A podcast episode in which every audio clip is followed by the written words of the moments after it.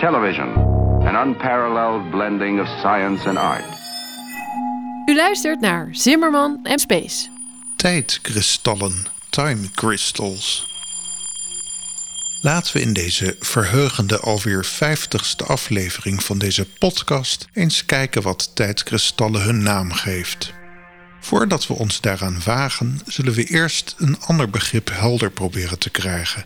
Zero Point Energy of ZPE. Bij de klassieke natuurkunde leerde u misschien ooit dat bij een temperatuur van 0 Kelvin, ook wel het absolute nulpunt genoemd, atomen stilstaan.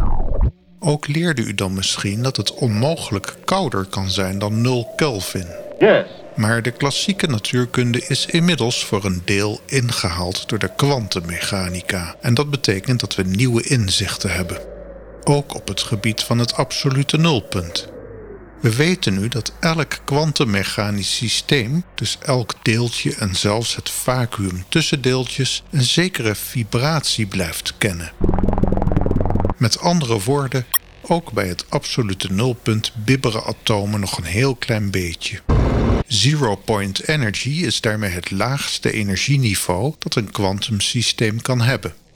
Per definitie is dat niet nul. En die definitie heet ook wel het Heisenberg-onzekerheidsprincipe. De volgende zeepbel die we door kunnen prikken is dat 0 Kelvin de laagst mogelijke temperatuur is. Oh, it? Temperaturen onder de 0 Kelvin noemen we negatieve temperaturen en deze zijn experimenteel al vastgesteld. Purcell en Pound publiceerden hun bevindingen met betrekking tot negatieve temperatuur in hun artikel A nuclear spin system at negative temperature. Een ander experiment van Simon Brown wordt beschreven in het artikel Negative absolute temperature for motional degrees of freedom. Negatieve temperatuur noemen we dan een toestand waarbij de temperatuur onder de 0 Kelvin komt. It seems hard to believe. Dat is wat anders dan dat het buiten vriest, want dan is de temperatuur onder de 0 graden Celsius. No shit, Sherlock. Dit even ter toelichting en belediging van velen van u. We hebben het bij negatieve temperatuur wel over kunstmatig opgewekte omstandigheden en heel bijzondere gassen. Niet een stand van uw toekomstige vrieskist dus. Professor Dr. ingenieur Paul van der Schoot, universitair docent bij de vakgroep Theory of Polymers and Soft Matter aan de faculteit Technische Natuurkunde en deeltijd hoogleraar Theoretische Natuurkunde aan de Universiteit Utrecht, schrijft hierover in 2013. Er zijn de afgelopen jaren wel vaker temperaturen onder het absolute nulpunt gemeten, maar een groep Duitse wetenschappers laat nu zien dat de negatieve temperatuur thermostabiel is. Dat is dus wel een noviteit en belangrijk, want zo leren we meer over temperatuur. Om het nog gekker te maken zijn atomen die in een toestand van negatieve temperatuur verkeren weer warmer dan atomen bij 0 Kelvin. Om het nog gekker te maken zijn atomen die in een toestand van negatieve temperatuur verkeren weer warmer dan atomen bij 0 Kelvin. Dat heeft te maken met het feit dat temperatuur, energie en entropie sterk met elkaar verbonden zijn. En entropie, dat is de mate van wanorde van een systeem. Dat is in de verhandeling van deze aflevering een belangrijk begrip, want precies die wanorde speelt een grote rol bij tijdkristallen. Maar laten we eerst eens beginnen bij het begin. Wat verstaan we onder een tijdkristal? Het idee stamt al uit 2012, toen het werd geopperd door de natuurkundige Frank Wilczek. Op dat moment waren tijdkristallen alleen nog maar een theoretisch gedachte-experiment. Die naam tijdkristal is naar analogie van een regulier kristal, zoals bijvoorbeeld ijskristallen, kwarts of piriet. Dergelijke kristallen worden gevormd door een regelmatige driedimensionale ordening van atomen, moleculen of ionen. Een vereiste voor zo'n kristalstructuur is een zekere zuiverheid. Dan kunnen de atomen, moleculen of ionen uiterst regelmatig gerangschikt raken. U kunt dat misschien vergelijken met een bak vol knikkers. Als alle knikkers dezelfde grootte hebben, dan ziet u voor uw geestesoog misschien wel hoe deze in een keurige raster terecht kunnen komen, waarbij de knikkers precies hetzelfde geordend liggen. Elke knikker heeft zes buren die precies in een rondje om de andere knikkers liggen. Behalve de knikkers aan de rand natuurlijk. Maar goed, stel nu dat er wat grotere knikkers tussen liggen. Dan verpesten die de mogelijkheid om een identiek raster van knikkers te maken. Zo zit het dus ook met reguliere kristallen. Ja, ja, nu begrijpen we het wel. Doorgaans zijn kristallen vaste stoffen, maar er bestaat ook zoiets als vloeibaar kristal. Even samenvatten. Reguliere kristallen hebben een regelmatige structuur in ruimtelijke zin. Tijdkristallen, zo veronderstelde Wilczek, hebben een regelmatige structuur over de tijd. Dit behoeft misschien wat verduidelijking. Ja. Want als ik nu een smurf voor mij op tafel leg, dan heeft die toch ook een zekere regelmatige structuur over de tijd. Van het ene moment op het andere ziet de smurf er toch identiek uit. Maar dan komen we weer terug bij het begin van onze discussie. Of nou ja, discussie, mijn monoloog die u nu beluistert om lekker bij in slaap te kunnen vallen. Die smurf die voor mij op tafel ligt, is op macroscopisch niveau dan wel een ruimtelijke structuur die in de tijd niet lijkt te veranderen, maar helemaal stil staat onze smurf op microscopisch niveau niet. Sterker nog, ik bibber als een gek. De smurf verkeert in een staat van thermisch evenwicht. Dat betekent dat er op elk moment willekeurige bewegingen plaatsvinden in de atomen waaruit de smurf is opgebouwd. Zelfs als we de smurf zouden afkoelen tot het absolute nulpunt, zouden de atomen nog willekeurige bewegingen vertonen. Geen zaken waar we hinder van ondervinden, maar toch. Deze willekeurige trillingen van atomen noemen we ook wel continuous time translation symmetry.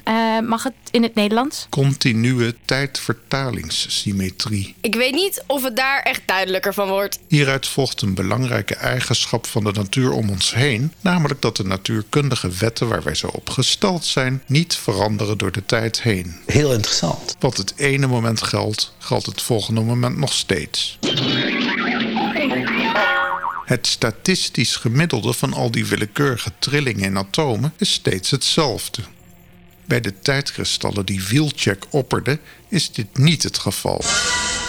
Hier hebben we een soort materie die varieert over de tijd, van de ene ordening naar de andere en weer terug, zonder dat er energie bij nodig is.